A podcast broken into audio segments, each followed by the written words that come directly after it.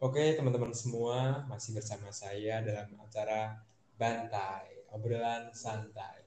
Tapi kali ini kita kedatangan tamu yang sangat spesial, tamu yang gak asing lagi di dunia perlucuan Indonesia. Siapa lagi kalau bukan Bung Ezra Semiri. Selamat datang Bung Ezra dalam acara podcast saya. Sebelumnya perkenalan dulu dong. Em, nama aku Ezra Emmanuel Ananta Sembiring. Apa lagi? Mana nih lucunya? Belum. belum. Nah, pada kali ini teman-teman, saya akan mengangkat isu, nggak isu sih, eh, lebih ke tema menjadi orang lucu dalam hidup yang serius. Oh, Gitu-gitu. Jadi, eh, kan sebagai sumber kelucuan di teman-teman nih, dari Bung Ezra sendiri kan, eh, saya lihat kan hidupnya nggak pernah ada masalah. Kayak tenang-tenang aja. Gitu, tips-tipsnya apa nih? Sebenarnya hidup saya banyak masalah ya. Itu bahkan mungkin karena melucu juga banyak masalah. Nah. Tapi ya hidup cuma sekali bro. Iya, iya iya iya Iya loh, loh. iya loh. Tapi kalau misal dirunut dari riwayat hidupnya nih, bakat-bakat lucu tuh emang udah dari kecil apa gimana sih? Gak tahu ya. Mungkin memang passion aja mungkin ya. Passion gitu ya, Iya. hidayah gitu dari Tuhan gitu. Iya gitu. Aku lebih memilih orang tertawa daripada aku sendiri yang tertawa. Oh gitu. Asik. Jadi eh, Bung ini sendiri eh, ada satu teman saya mungkin sudah dikenal banyak orang sebagai orang terlucu sedunia. ya. Parahnya. Nah, untuk selanjutnya nih, kayak gimana sih cara Bung Ezra ini sendiri kayak menyikapi kalau misal di hidup Bung Ezra sendiri ada masalah, kalau eh, menyikapinya tuh kan gimana? Nah, bagus nih pertanyaan Pak nih. Nah, Kalau aku pribadi ya sebisa mungkin tetap tersenyum sih, tersenyum. karena setidaknya tersenyum itu meringankan sedikit beban yang ada lah. Hmm. Jadi kalau misal ada orang yang punya berat 100 kilo, terus senyum tiap hari bakal ngurang tuh beratnya. Enggak juga. Enggak juga. Oke, ya. kan pernah tuh di SMP yang mulai stand up komedi ya. Nah itu gimana sih? Kenapa nggak bisa tahu? Oh, Saya, kita belum kenal ya? Belum kenal. saya Jadi, nggak pernah bilang kalau saya dari SMP. jadi guys, kita sebenarnya belum kenal sebelumnya. Saya ketemu Bung ini di uh, lagi di kontes di pinggir jalan kan tadi habis ngamen juga. IMB, IM. Indonesia mencari buruh. Emang tampang-tampang burus kan? Gimana nih, kalau kan pernah cerita-cerita juga mulai dari SMP apa stand up comedy gitu itu apa sih motivasinya gitu? Nggak ada ya. Hmm. Maksudnya nggak ada motivasi selain terkenal. Jadi orang-orang Bung Ezra ini orang-orang yang panjat sosial. Wah. Enggak, enggak juga. Saya nggak panjat sosial. Tapi Saya memang terlahir untuk itu. selain untuk menghibur orang lain gitu ya. Enggak panjat, saya sudah terpanjat ini Pak. Kenapa tuh? Memang I was born Hmm. Cakep. to tell you I love you. Gak tahu, gak tahu, gak tahu. Beda genre Beda genre. Jadi SMP udah mulai kenal, SMA juga udah mulai sering tampil-tampil gitu ya. Enggak juga. Justru pertama kali stand up itu langsung ikut kompetisi gitu, nggak ada kayak Hmm. nggak ada kayak dibayar gitu enggak. Nah, Kompetisi waktu SMP juara gitu kan juara satu. tapi itu latihan juga nggak atau ikut komunitas? Oh iya jelas. Oh. Kita nggak bisa nge-expect sesuatu itu berjalan tanpa latihan. Oh gitu ya. Itu jelas. Jadi harus ada latihan, harus ada ininya persiapannya gitu. Iya. Itu aku masih ingat ngelihat tips and triknya itu dari Raditya Dika. Ah, gitu. ah. Nah, apa apa aja sih aturan-aturannya di stand up kan. Makanya aku berusaha kembangin kan nah ternyata nggak nyangka juga gitu bisa juara dan bahkan sampai sekarang kalau masuk ke SMP maksudnya balik ke SMP itu Hmm. guru-guru ingat punchline-nya gitu Gimana tuh? aku punya teman gini kan Hmm. ada teman dekat lah jadi kan aku sama dia itu tergolong terkenal bukan Hmm. terkenal juga sih karena jumlah tiga angkatan itu waktu SMP itu cuma 270 orang Hmm. pasti saling kenal lah Hmm. jadi aku bilang gini aku sama dia itu punya tiga punya beberapa kesamaan Hmm. dia suka bola aku suka bola Suka bola, dia suka MU aku suka MU suka dia sayang mamanya aku juga sayang mamanya Ya Allah. Mikun dong gitu dong. Tapi kalau misal nih kita ambil pelajarannya kalau misal kita tuh kayak di depan orang banyak kan gitu kalau misal stand up comedy gitu. Gimana sih cara kayak ngelawan rasa cemasnya, rasa groginya gitu kalau dari Bung Hajar sendiri? kalau dari aku pribadi itu openingnya itu harus berhasil maksudnya Hmm. opening bukan kayak kita kayak First impressionnya lah ya.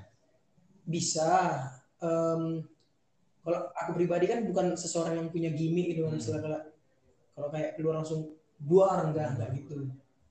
Aku yang tipikal datang gitu kan misalnya nampil ngasih satu jokes di awal nih.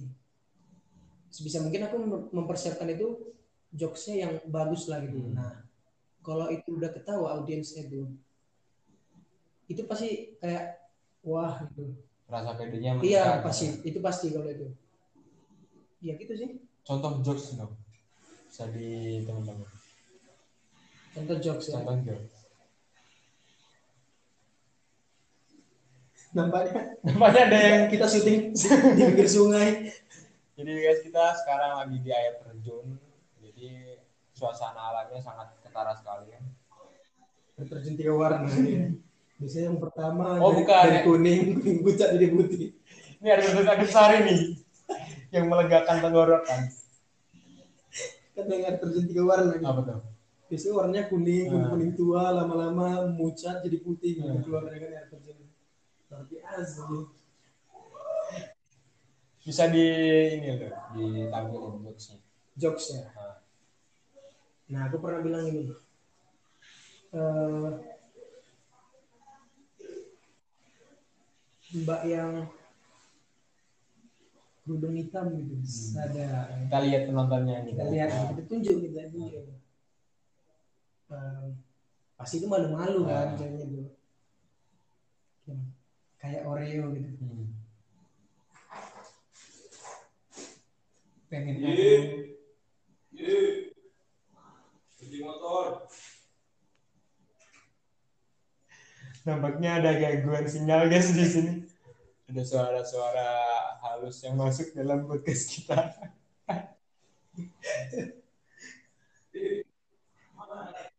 kita ulang dari awal. Kita ulang dari awal. Memang hidup tuh penuh dengan cobaan. Jadi kita gak apa-apa lah. Kita Sini coba. jadi jokesnya itu ya Nah, mbak yang kerudung hitam kayak Oreo hmm. Kenapa tuh? pengen saya buka saya jilat Iya. saya celup yang lain yang lain. Kalau cowok gimana? Kalau cowok. sebenarnya kalau untuk objeknya itu justru kalau misalnya kita memainkan gender Hmm. ibaratnya kayak jokes yang tadi kita buat ke cowok itu bisa lebih ricu gitu ibaratnya Oh, ya jadi kayak apa ya lebih konfliknya lebih dapat gitu. iya ya. kayak orang nggak nyangka gitu Iya kan lah. mas mas yang baju hitam terus kayak Oreo pengen saya buka jilat celup kan siapa yang nyangka gitu kan kalau dalam hati mau muntah ya. Jadi Taunya, kalau- tanya masnya juga pengen gitu. itu sih banyak juga biasanya opening itu yang bisa meningkatkan percaya diri sih Kalau kayak nyari inspirasi gitu kan mungkin kalau aku lihat di komik apa komik-komik di sana kan dari keresahan gitu ya. Kalau dari Iya. Bung sendiri ada nggak sih ke- keresahan atau ciri khas dari Bung Ejra sendiri dalam membawakan materi gitu? Em, kalau keresahan ya memang tujuan dari stand up comedy itu kan membawa atau membangkitkan isu-isu masyarakat gitu kan. Tapi ini kalau aku pribadi itu lebih keresahan itu bergelut di bidang keseharian itu maksudnya motor lewat. Motor lewat hidup di jalanan Iya. gitu. Maksudnya itu kayak nengok nengok kebiasaan-kebiasaan orang. Hmm. itu kan kadang lucu juga gitu. Kan itu sih. Juga kalau aku nyari inspirasi itu bisa kapan aja gitu. Maksudnya nggak duga gitu. Lagi Hmm. makan lagi makan Lagi bisa makan. ya kan? Lagi mandi. Nah, lagi anu. Anu apa tuh? Banyak. Banyak kata-kata anu tuh banyak sesuatu iya makanya aku juga ada catatan sendiri gitu di HP gitu kalau ada sesuatu yang aku anggap lucu dicatat gitu iya dicatat itu oh karena takut idenya itu Hmm. hilang gitu Hmm. Nah itu sih aku mulai waktu zaman kuliah sih nyata-nyata ini karena kayaknya penting juga gitu kan. Hmm. Kalau Bung Ejrin kan dari Medan sendiri ya, jadi kayak ada bagi bagiku sih kayak stereotip sih, kayak orang Medan tuh selain or- orangnya apa keras-keras, tapi juga lucu-lucu, bener nggak? Bukan bukan gitu sih maksudnya. Gimana? Itu memang Medan keras, ya Ah. jelas itu kuat, keras, berani, Berani pantang Men- menyerah mental baja, aja. rajin menabung.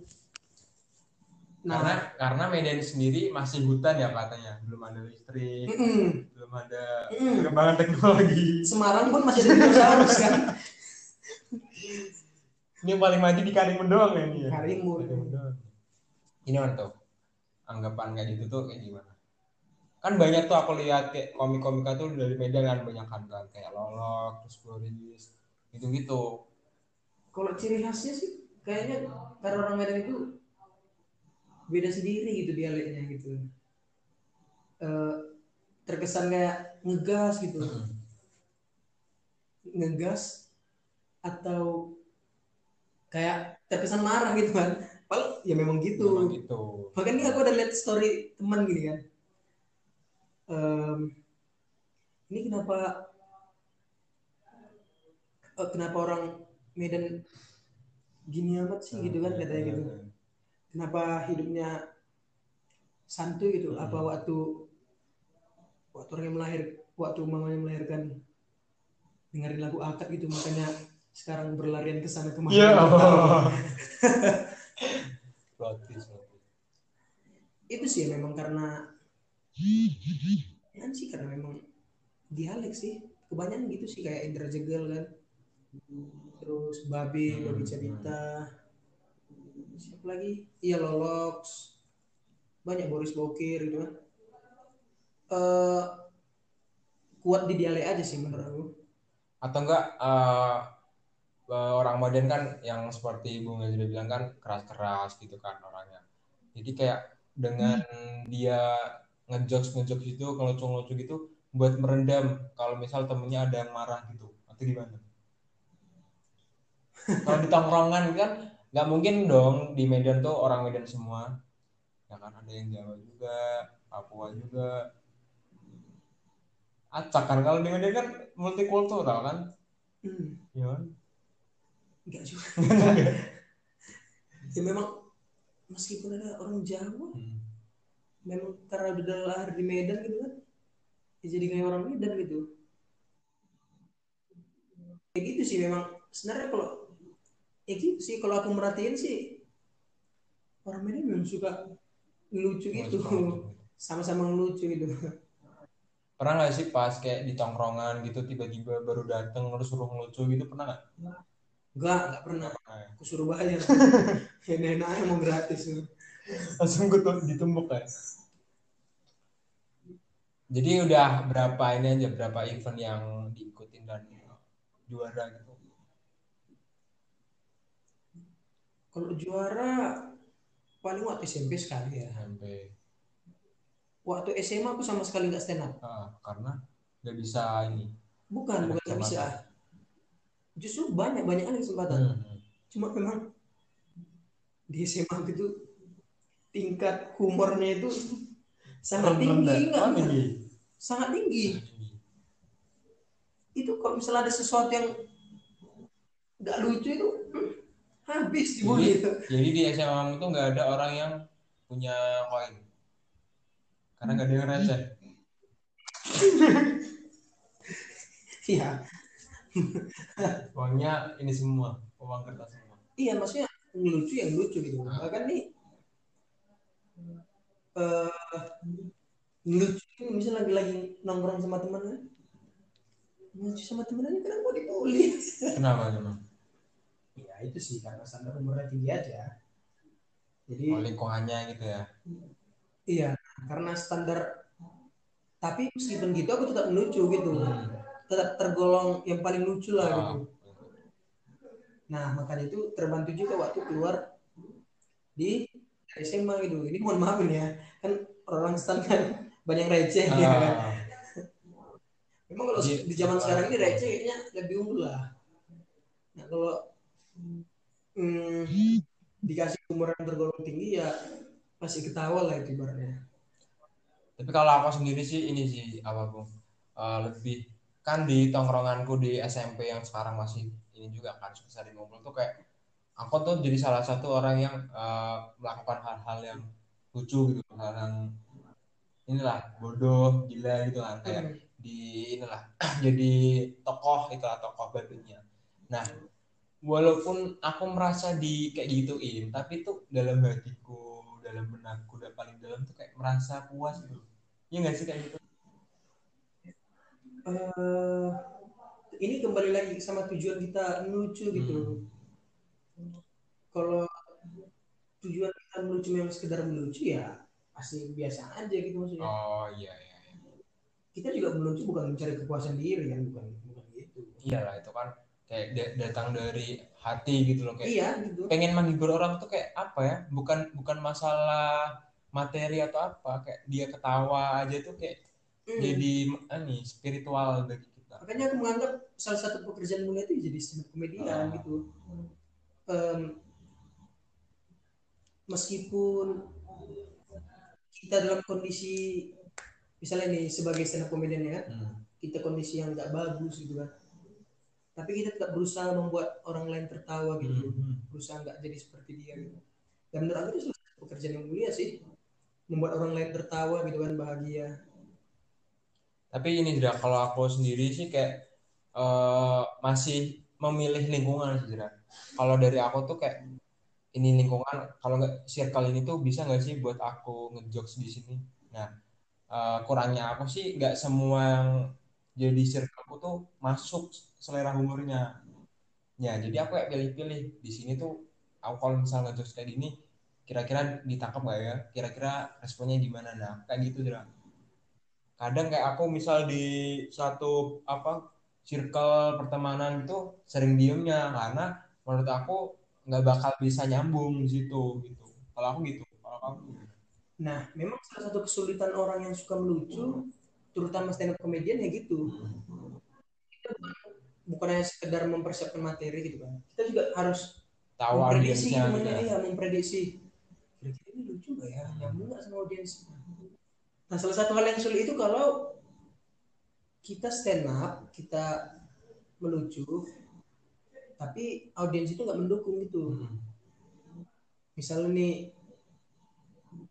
aku disuruh melucu gitu kan. Hmm. Di depan IQ 160 nah aku langsung nolak karena nggak bakal nyampe nggak nggak bakal nyampe gitu kan yang di otaknya tuh aritmatika Hmm. geometri aritmatika arit Muhammad itu kan youtuber gitu Emang susah sih dia kalau misalnya kayak nyambungin humor gitu. Iya. Nah, jadi itu memang jadi ketakutan terbesar sih kalau menurut aku. Hmm. Nah, dan waktu ikut kompetisi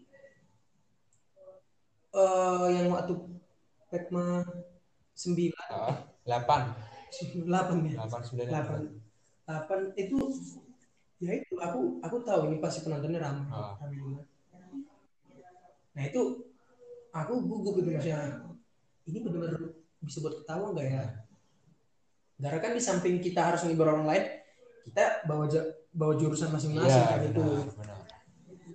itu sih dan Kalau- kembali lagi ke yang awal yang kita pede itu ya tetap jokes yang pertama itu Hmm. gitu dan ternyata berhasil gitu jadi lancar lancar lancar dan salah satu yang penting sih untuk stand up comedian itu originalitas ya originalitas Hmm. itu penting gitu. kalau misal kayak pembuatan materinya juga kayak eh, tahu si materi ini bakal lucu atau enggak itu gimana? itu kadang aku kan ngetik kan biasanya ngetik ngetik eh jadi aku tipikal yang kayak dari awal ngomong sampai habis itu kuatur itu Hmm. bukan sekedar poin aja jadi ibarat mulai dari selamat malam Hmm. gimana aku memperkenalkan diri itu aku atur juga kan jadi aku mem- aku memposisikan itu aku sebagai penonton juga gitu Hmm. Kayak ngaca gitu. iya kayak ngaca gitu kira-kira ini masuk gak ya nah kadang memang eh ribet memang susah kayak materi tekmo itu baru aku rampungin itu sekitar hamin satu apa hamin dua hamin dua Hmm. karena begitu aku hamin tujuh itu seminggu sebelum itu aku mempersiapkan itu kayak ngendek gitu maksudnya stuck di situ aja Nggak gitu dapat ide lagi. nggak dapat tiba-tiba waktu menjelang menjelang akhir ada muncul ide yang bahkan aku sendiri kaget gitu Ah. kok bisa aku terpikir gitu Ah. dan ternyata dan aku itu kan memang yang memang nggak meniru orang lain lah kan gitu misalnya karena original itu yang belum pernah dengar maksudnya pasti kan lucu lah ibaratnya gitu kan Tapi asli sih pas waktu itu eh, kamu stand up tuh kepikir sama audiensnya juga. Kan biasanya kalau orang stand up ah paling arahnya ke sini. Kita Mhm. bisa nebak. Tapi kalau pas kamu stand up tuh asli sih itu pecah banget sih. Nonton? Cuy. Nonton? Iya sama teman kelasmu. Nonton aku. Bangga. Iya lah. Lega banget sama kamu. Jadi gimana nih buat teman-teman yang mau mencoba stand up atau mencoba kayak men public speaking di depan banyak orang tuh gimana tips-tipsnya Nah, ini juga salah satu em, pegangan hidup lah pedoman maksudnya. Hmm. Eh, aku itu punya prinsip salah satunya itu kalau bisa keluar dari zona nyaman. Dan aku itu juga aku mempengaruhi orang lain gitu dari dengan berbuat. Iya, teman gini. Eh, punya teman. Dia itu gimana bang ya? Enggak, dia kalau udah malu kalau udah disuruh ngomong di depan itu muka mukanya itu merah gitu. merah. Ah. Ini memang betul-betul merah kayak hulu berubah gitu merahnya kayak amat gitu. Enggak banget lebih dari tomat gitu. Ini Hellboy Hellboy. Kayak pisang aku pas ngelucu kan nggak ini nggak respon kalau ngelucu aku ketawa itu jadi eh tapi dia sering ngelucu-ngelucu gitu kayak nah, dia nyoba di depan cermin ah ya aku bilangin aja gitu. jadi kan kalau kebetulan kan di sana kan ada komunitas stand up Hmm. hmm. trial balance kan nah aku bilang sama dia jadi kalau trial balance itu kan biasanya nih setiap minggu itu ada tampil itu di hmm. Icon 5 ah, aku tahu tahu tahu. Icon 5 nah, aku bilang sama dia itu semua tergantung kau gitu. Mau hidup flat-flat aja atau keluar dari zona nyaman Hmm. gitu. Pasti memang pasti ada ketakutan lah. Hmm. aku juga aku pasti aku kasih tahu dia juga. Tapi setelah kau tahu kalau kau udah keluar dari zona nyaman itu pasti kayak iya juga ya gitu. Bakal puas sih. Iya bakal puas itu pasti nah ternyata dia berhasil itu maksudnya. Hmm. bisa juga tampil stand up juga kan? Hmm. dan lucu. Nah itu sih aku paling nekanin dia itu kan kebetulan sahabat aku lah gitu. Dari SMP sama gitu. Bayangin.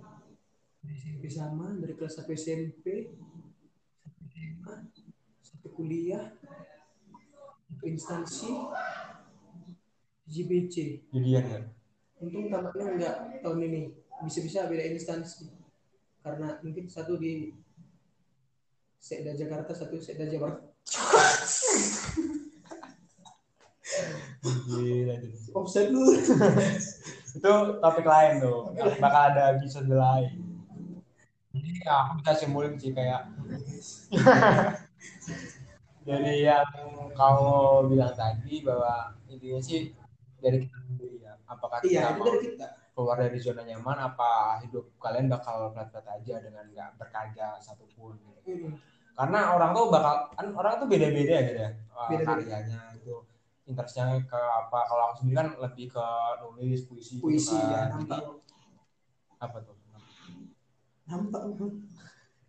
Muka jadul. bukan dulu buka vintage gitu Eh, terus kalau misal teman-teman masih ragu tuh mungkin nyari komunitas gak sih kalau kayak gitu tuh Bisa. Ya kan? Itu juga salah satu Hmm. langkah sih. Dan keluar dari zona nyaman itu enggak mesti langsung yang kayak ekstrim gitu ya iya langsung kayak betul-betul kayak ibarat ular jadi kupu-kupu Hmm. enggak gitu. Perlahan-lahan aja misalnya kita kayak orang yang introvert nggak mau cerita sama orang lain perlahan-lahan kayak ini dong cerita sama orang lain gitu selamat datang selamat belanja selamat datang di Indomaret jadi ada tamu lagi guys. Masuk ke ini air terjun kita ya. Ten- sebagai penjaga tiketnya. Oh sama budaya. Salam kebajikan. Iya. Kebajikan maksudnya. Jadi itu ya eh, salah satunya ikut komunitas juga itu bisa. Itu itu sangat membantu sih.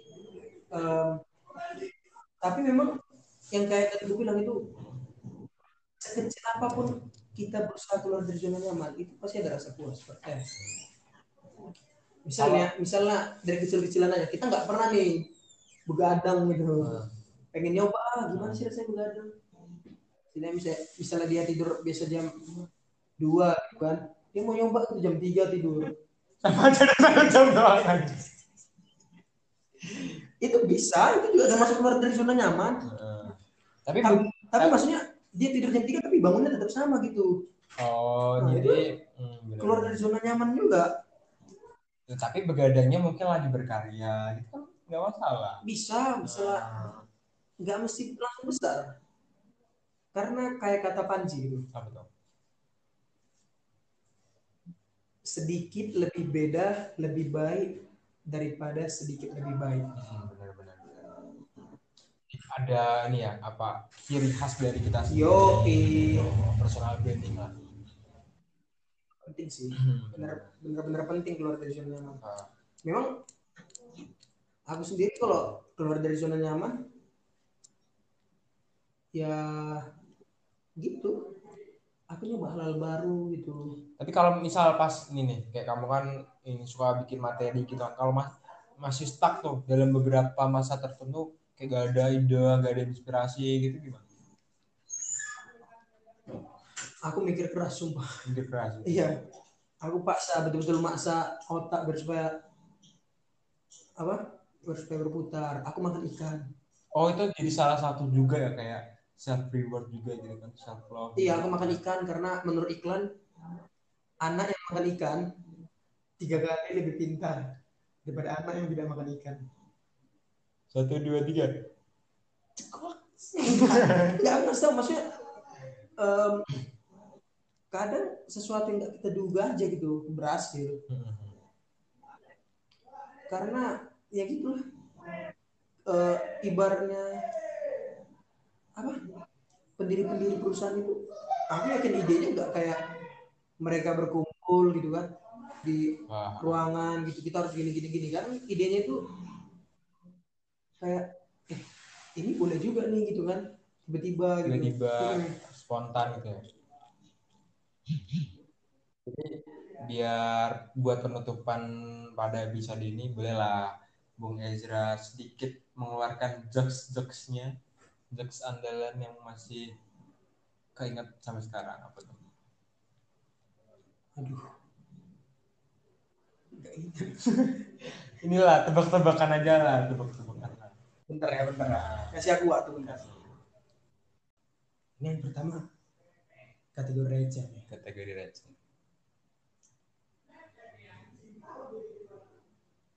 kalau itu tebak-tebakan lah ya. Tebakan boleh. Kalau orang biasa itu kaget gimana ya Oh, enggak maksudnya. Eh, iya kalau orang biasa kaget itu kan kayak astaga naga gitu. Naga-naga. Enggak sih? iya memang sebenarnya enggak cuma dia materi dari terus kalau orang-orang yang sok gaul gitu astaga dragon. Ya kan. kalau anak paduan suara kaget apa Astaga. Astaga, astaga, astaga. Apa tuh? humor saya tidak seperti itu Apa tuh? astaga nada Si dua persen lah, dua persen lah, dua persen lah. sudah lama nggak sih Kita hargai lah, kita hargai. nah sama aku sering berpikir nih Hmm, ngisi kuesioner gitu kan Hmm. ngisi kuesioner gitu terus aku sering ngelakuin ini gitu di kuesioner itu kadang ada tulisan harap coret yang tidak perlu Hmm. ya udah aku coret aja tulisan harap coret yang tidak perlu Jadi semuanya dong. enggak maksudnya aku coret aja itu enggak perlu juga Naik tiga persen lah. Enggak banyak juga malam Udah harus 100 persen nih, harus pecah nih. sebenarnya tergolong apa ya bukan gimana gimana Hmm. gitu. Cuma kalau nggak ada fee yang kurang. Enggak lah. Ya kalau terlalu banyak yang diungkapkan di sini nanti nggak banyak. Aku buat materi-materi. Episodenya. iya. Oh, bisa oke. jadi ini bukan pertemuan kita yang terakhir. Oke, itulah eh, mungkin sedikit ungkapan atau sedikit motivasi dari Bung Ezra. Semoga teman-teman bisa mengambil pelajaran bagaimana sih untuk kita lebih yakin sama diri kita sendiri sama bakat yang kita punya. Oke, terima kasih Bung Ezra atas waktunya. Semoga kita bisa ketemu lagi. Mungkin nggak sekarang. Nama kita kan beda kan? Beda. Nah, mungkin kita bisa ketemu lagi di lain waktu.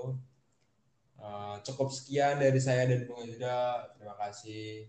Tetap dengerin podcast Bantai. Obrolan santai. satu jokes lagi Apa tuh? Terakhir-terakhir Kasih ya. ini jokes suatu pek masih Hmm, nggak tahu boleh ada yang pernah dengar atau enggak jadi tuh aku jomblo ya gitu kan Hmm. jadi saking jomblonya itu aku sering mantau gitu akun-akun akun-akun apa kayak jurnal-jurnal gitu, Ah, gitu ah. kayak Stan Secret Admirer Ah, itu lah bisa kayak tahu. nama aku gitu Iya. jurnal Stan. Lost and Found Stan Ya Allah. Itu barang hilang, Bro. siapa tahu jodohku ditemukan orang Iya. Asik. Oh, itulah jokes terakhir dari Bung Ezra. Terima kasih teman-teman semua. Bye bye. bye bye sampai jumpa Di lain